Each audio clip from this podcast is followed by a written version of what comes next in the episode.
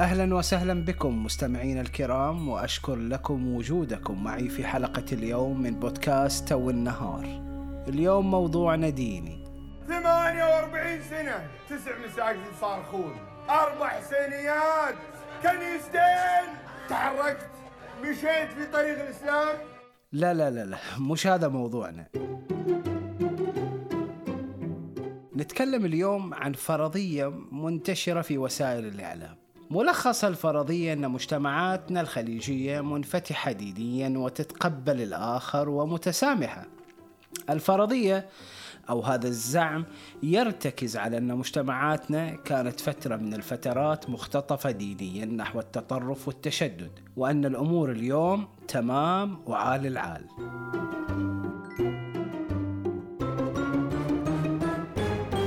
خلينا نوقف شوي عند صورة وايد نصادفها هذه الصورة توصلنا بين فترة وثانية بأكثر من طريقة على تليفوناتنا مع تغييرات بسيطة. صورة تعكس زمنين قبل وبعد.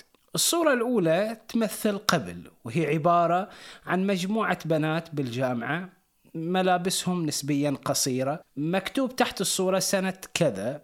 وغالبا هذه السنة هي تعبر أو تدل على فترة السبعينات. الصورة الثانية تمثل بعد. وهي عبارة عن مجموعة بنات بالجامعة أيضا لكن مو أي بنات بنات هاليومين شوي. غالبا منقبات ومغطيات بالأسود بشكل كامل من فوق لتحت. في كل دولة خليجية عندها نسختها الخاصة من هالصورة حق قبل وبعد. تتغير الوجوه والأماكن والسنوات لكن تقريبا هي تعرض نفس الفكرة. طبعا أصدقائي من الليبراليين واليساريين الخليجيين يطيرون فرحانين بهذه الصورة. يقولون لنا شوفوا وين كنا وين صرنا. قبل كنا منفتحين والحين منغلقين. أيامهم أحسن أيام وزمنهم أحلى زمن. منفتحين وكول وما في تشدد. الحين تيارات إسلامية وظلامية. حسب تحليلهم جت الثورة الإيرانية بخيولها وطبولها وضاعت الطاسة. نسأل الله أن نصل بسلام. إن شاء الله. إن شاء الله. خلاص. اللهم وصلنا إلى هذه الديار بسلام. إن شاء الله. خلاص. ولا. هذه سردية موجودة ومنتشرة على مجتمعاتنا الخليجية. يشارك في ترويجها الليبراليين. الليبراليين طبعا اللي غالبيتهم كانوا يساريين وقلبوا. مؤخرا حتى شيوخنا طويلين العمر وأنظمتنا الخليجية حفظها الله صارت تتبنى هالسردية. جت الصحوة في 79 وأخذتنا الوراء لكن يعلم الله إني ادعو لكم الليل مع النهار إن الله يهديكم لما يحبه ويرضاه. هالفكرة شفناها في دراما تلفزيونية مثل مسلسل العاصوف؟ نفس الفكرة نلاقيها في البحرين مثلا عند فلاسفة الحنين الرومانطيقي. إلى أيام فريج المخارقة وفريج الفاضل وأسطورة مدينة المحرق لما كان بيت الشيعي جنب بيت السني وجنب بيت المسيحي والبهائي واليهودي صورة خلابة عن ماضي هاي ستاندرد وحاضر كخة. ما يخالف مرة نفشل مرة نربح لكل حصان مكبوة مثل ما يقول. حلوي ورا ربح. حلوي بس إلى أي حد هالصورة صحيحة؟ وإلى أي حد مجتمعاتنا كانت منفتحة فعلا؟ وإلى أي حد هي اليوم منفتحة؟ وإلى أي حد هي متشددة؟ خلنا نكون صريحين ونروح أبعد شوي. هل الانفتاح هو مجرد بنات مو محجبات واثنين جيران سني وشيعي يم بعض؟ وعود وطقطقة وهز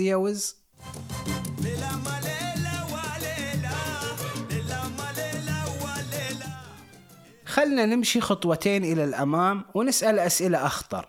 أخطر شوي مو وايد لا تخاف. معقولة مجتمع متشدد دينيا يصير منفتح بضغطة زر؟ انتهت الصحوة والتشدد الديني راح لأن بس جبنا وسائل ترفيه وغيرنا المناهج وسجلنا قادة التنظيمات الإسلامية أو سكتناهم بالطيب أو الغصب. ثانيا تعال حبيب قلبي وجاوبني. ليش لما نتكلم عن الانفتاح ما نتكلم عن الانفتاح السياسي أو الانفتاح الإعلامي أو الانفتاح على صعيد ملفات المساواة في توزيع الثروة؟ وايد أسئلة لازم نسألها ونتوقف عندها. وايد نتائج وفرضيات جاهزة لازم ندقق فيها ونختبرها.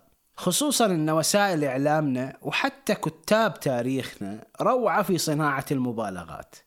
لا ننسى أن التطرف والتشدد كان صناعة دولنا وتحت رعايتها.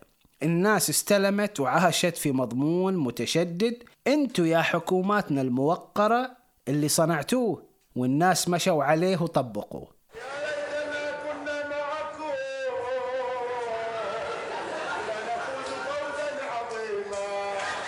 من اللي طلب من الفقهاء يفتون بالجهاد في أفغانستان والشيشان؟ وليش نروح بعيد؟ سوريا قريبة منا. كلنا كنا شاهدين على هذه المرحلة المهمة. كل حملات دعم الجهاد وتجهيز غازي وما تجهيز غازي كانت تصير شاهر ظاهر في دولنا الخليجية وبرعاية رسمية وأحيانا على الهواء مباشرة. نسينا ما كلينا يا جماعة؟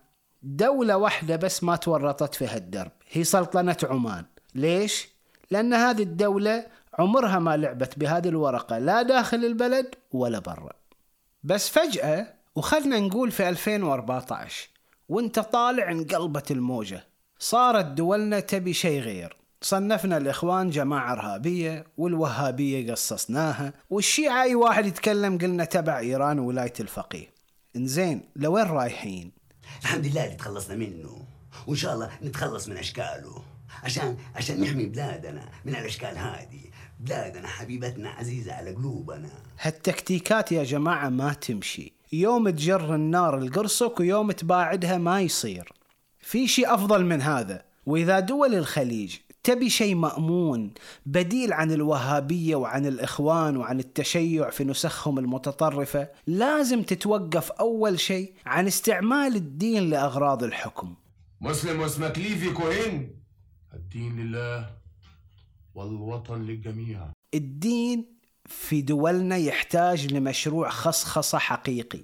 يعني يصير الدين شغل الفرد مو شغل الدولة ولا أي مؤسسة داخل الدولة. الانفتاح الحقيقي إننا نخلي تراثنا الديني كله معرض للنقد والمساءلة والتدقيق. الدولة وإحنا كمجتمع وأفراد كلنا مسؤولين. مو تقول أنا منفتح وتهدد وتحرض وتعاقب فلان لأن انتقد خليفة أموي أو شكك في حديث في البخاري أو في رواية من روايات الشيعة. هذا معناه أنك أنت أصلا لا منفتح ولا هم يحزنون. وأن عودتك للتطرف ممكنة في أي لحظة. وبالتالي المجتمع أيضا لا هو ليبرالي ولا منفتح. وممكن في أي لحظة ثقافة التطرف المغطاة هذه تطلع من جديد وتصير اللاعب رقم واحد. راجع بشوقي ولهفتي من غربتي. راجع لربعي وديرتي ومحبوبتي. مجتمعاتنا للحين غير متسامحة مع كل كنيسة جديدة تنبنى في أي بلد من بلداننا. وكلنا نشوف تويتر قايم قاعد إذا أحد صور جماعة من الهندوس في معبد يمارسون طقوسهم. أصلا للحين الحزازيات الطائفية تشتغل بين كثير من الناس. وعليه التسامح مش فرضية تنقال أو تنكتب في مقال. التسامح ممارسة فعلية على الأرض ومجتمعاتنا للأسف للحين من الصعب أن نقول عنها مجتمعات متسامحة. أسأل الزمان اللي روحها. إيه وليش الزمان روحها؟ عملية هندسة الانفتاح في منطقتنا ومواجهة إرث التيارات المتشددة عملية قاعدة تصير بتكتيك ناقص. إشاعة أجواء ليبرالية في الشكل مثل وسائل الترفيه والوناسة وبعض ركز معاي بعض مو كل الحريات الفردية أو مجاملة الأقليات الدينية وتصوير الانفتاح عليها على أساس إنه درة تاج التسامح اللي وصل له الخليج. أو إنك تجيب البابا يصلي عندنا. كل هذا الانفتاح زين لكن انفتاح ما يلمس أي شيء له علاقة حقيقية بالمعنى الحقيقي للانفتاح والتسامح على الآخر وتوجهات الآخر. والأهم أنه ما يتيح قنوات فعالة وحقيقية لمراجعة أفكار التشدد الديني وتأصيل التفكير النقدي في مجتمعنا. ولا أي شيء من هذا القبيل بل العكس هو اللي صاير. دولنا اليوم ومجتمعاتنا صارت أحيانا أكثر تشدد وقسوة أمام طرح أفكار جريئة بهذا المستوى. الحاصل هو أن الخطاب وهذه السياسات تقول للناس السلفية والوهابية لا الإخوان لا. التطرف الشيعي لا لكنها ما تقدم بديل حقيقي واللي قاعد يصير هو أن هذه الأفكار موجودة وبترجع ويمكن بشكل أكثر عنف وتشدد. مجتمعاتنا ما تخلصت من ثقافتها ولغة الإعلام والنخب في تويتر وغيرها من المنصات مو بالتأكيد تعبر عن أفكار الأفراد وحقيقة توجهاتهم. لا بس ترى إحنا سألنا عنه ولقيناه رجال يعني حبيب ووجودي وبن حلال. لو كان هذا النموذج ناجح لنجح في دول علمانية مثل ما يقولون قهرت الإسلاميين قهرا مثل تونس بورقيبة أو في تركيا أتاتورك. بس شنو النتيجة؟ في أي انتخابات حقيقية راح يفوز الإسلاميين. الإسلاميين أقوياء والدين قوي يا جماعة. ما عليكم من دعايات رجال الدين اللي يقولون الإسلام يتعرض للخطر والإسلام مستهدف. الحقيقة أن الإسلام وكل الأديان قوية. الأديان لا تنتهي ولا تخلص وما حد يبيها تخلص. قلبك عامر بالإيمان. لا إله إلا الله وحسبي الله ونعم الوكيل. مرت عقود على علمنة وتحديث تونس وتركيا ومدونات الأحوال الشخصية. لكن السالفة انتهت بوصول الإسلاميين في البلدين بسهولة. كل عمليات الانفتاح اللي قاعدة تصير هندستها في منطقتنا مرجح أن يكون مصيرها نفس الشيء. الانفتاح لازم يلامس الملفات المحرمة. لازم نطلع من فكرة أن الانفتاح هو أغاني وكحول وهز يا وز عند هنكن باردة وتسرسح. الانفتاح مهمة فكرية وثقافية طويلة وشاقة ولازم كلنا نتدرب عليها حكومات وشعوب. ما تقدر تقول إنك تجاوزت فكر الصحوة أو الوهابية أو الجماعات المتشددة من الشيعة وأنت ما تسمح لهم يتكلمون. في الحقيقة أنت ما تخلصت من هالافكار أنت منعتها بس. أو تدري شلون؟ أنا أقول لك. أوديك الملة يقرأ عليك من خرعة الباص. صندوق اختبار آراء الناس هو اللي يقدر يقول لنا أن فكر هالجماعات انتهى أو لا أن مجتمعنا فعلا أصبح مجتمع متسامح أو لا. عدا ذلك هذه النتائج مجرد أوهام نسلي روحنا فيها وفي الحقيقة تو النهار عليها. سوى سوى تو